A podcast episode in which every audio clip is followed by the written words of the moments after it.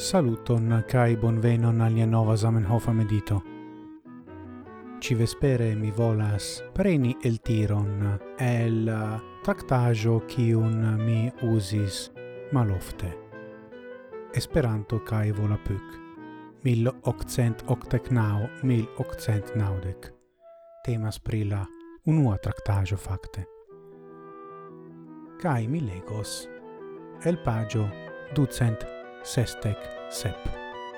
Sed eh, por cio estas la genio de signoro Schleier?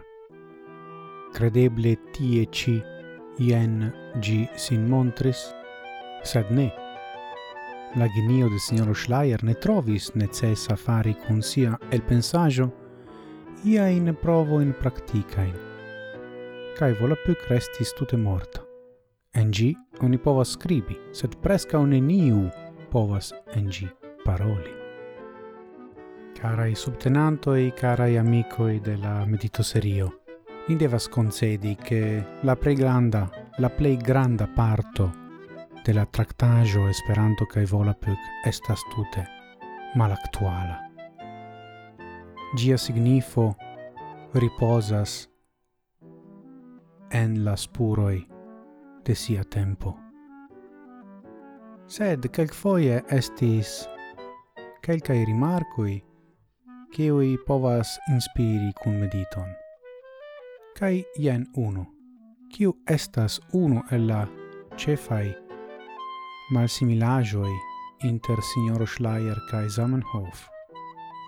Do la el pensinto de Volapük de Volapuco ne el provis gin praktike.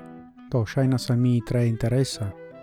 Rimarco citiu de Zamenhof nome che opportunas den nenur, opportunas nenur el pensi ion en la detaloi sed ancao consideri la practican us eblezon de la el pensaggio cae fin fine la utilezon kai a parte mi volas rimarchi che busha lingvo devas esti parola lingvo, ech se gi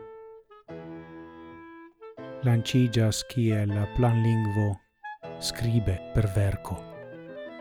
Do Zamenhof ciam pripensis tion, kai li estis unu el la malmulta en la historio de interlinguistico. Do, quelquefoie, la plei gravai partoi de el pensaggio estas tute antau niai oculoi, sed ni ne ciam estas pretai vidi ilin. Au almeno tio estas mia sperto.